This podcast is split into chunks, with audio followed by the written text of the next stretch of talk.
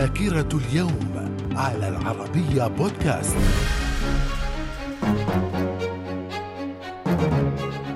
أهلا بكم وفي ذاكرة هذا اليوم السادس والعشرين من يوليو في العام 1911 القوات الفرنسية تدخل مدينة فاس المغربية لإجهاض الثورة التي شهدتها المدينة إلى جانب العديد من المدن المغربية للاحتجاج على المظالم التي يمارسها الاحتلال الفرنسي.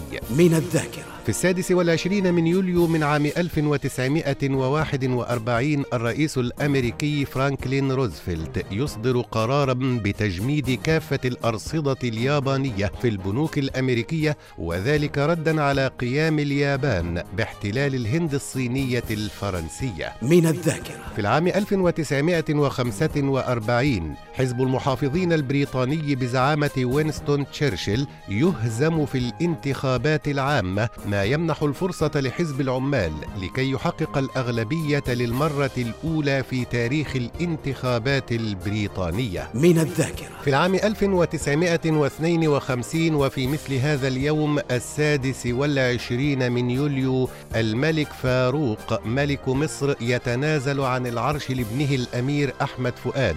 بعد قيام ثورة 23 يوليو بقيادة اللواء محمد نجيب وعين الملك فاروق مجلس وصاية على العرش برئاسة الأمير محمد عبد المنعم وغادر بعدها مصر ومعه زوجته الملكة ناريمان وبقية أفراد أسرته بمن فيهم الملك الجديد أحمد فؤاد. من الذاكرة. في العام 1956 الرئيس المصري جمال عبد الناصر يؤمم شركة قناة السويس العالمية. من الذاكرة. في العام 1959 استشهاد الزعيم النقابي الجزائري عيسات إدير بعد تأثره بالتعذيب الذي تعرض له من قبل الفرنسيين طوال شهر كامل. من الذاكرة. في السادس والعشرين من يوليو من عام 1963 زلزال عنيف يضرب مدينة سكوبي اليوغوسلافية أدى إلى مصرع الآلاف من الأشخاص. من الذاكرة. وفي العام 1983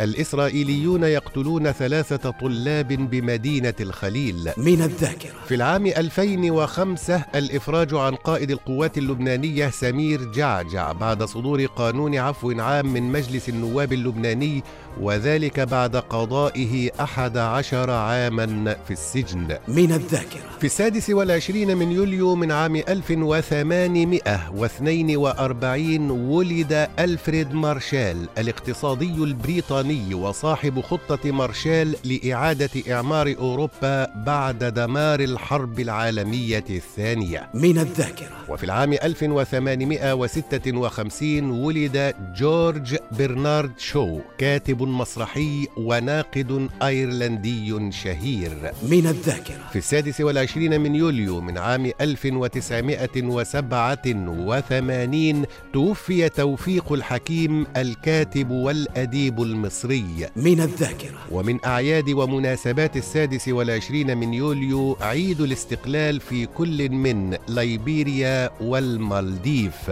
من الذاكرة. إلى اللقاء.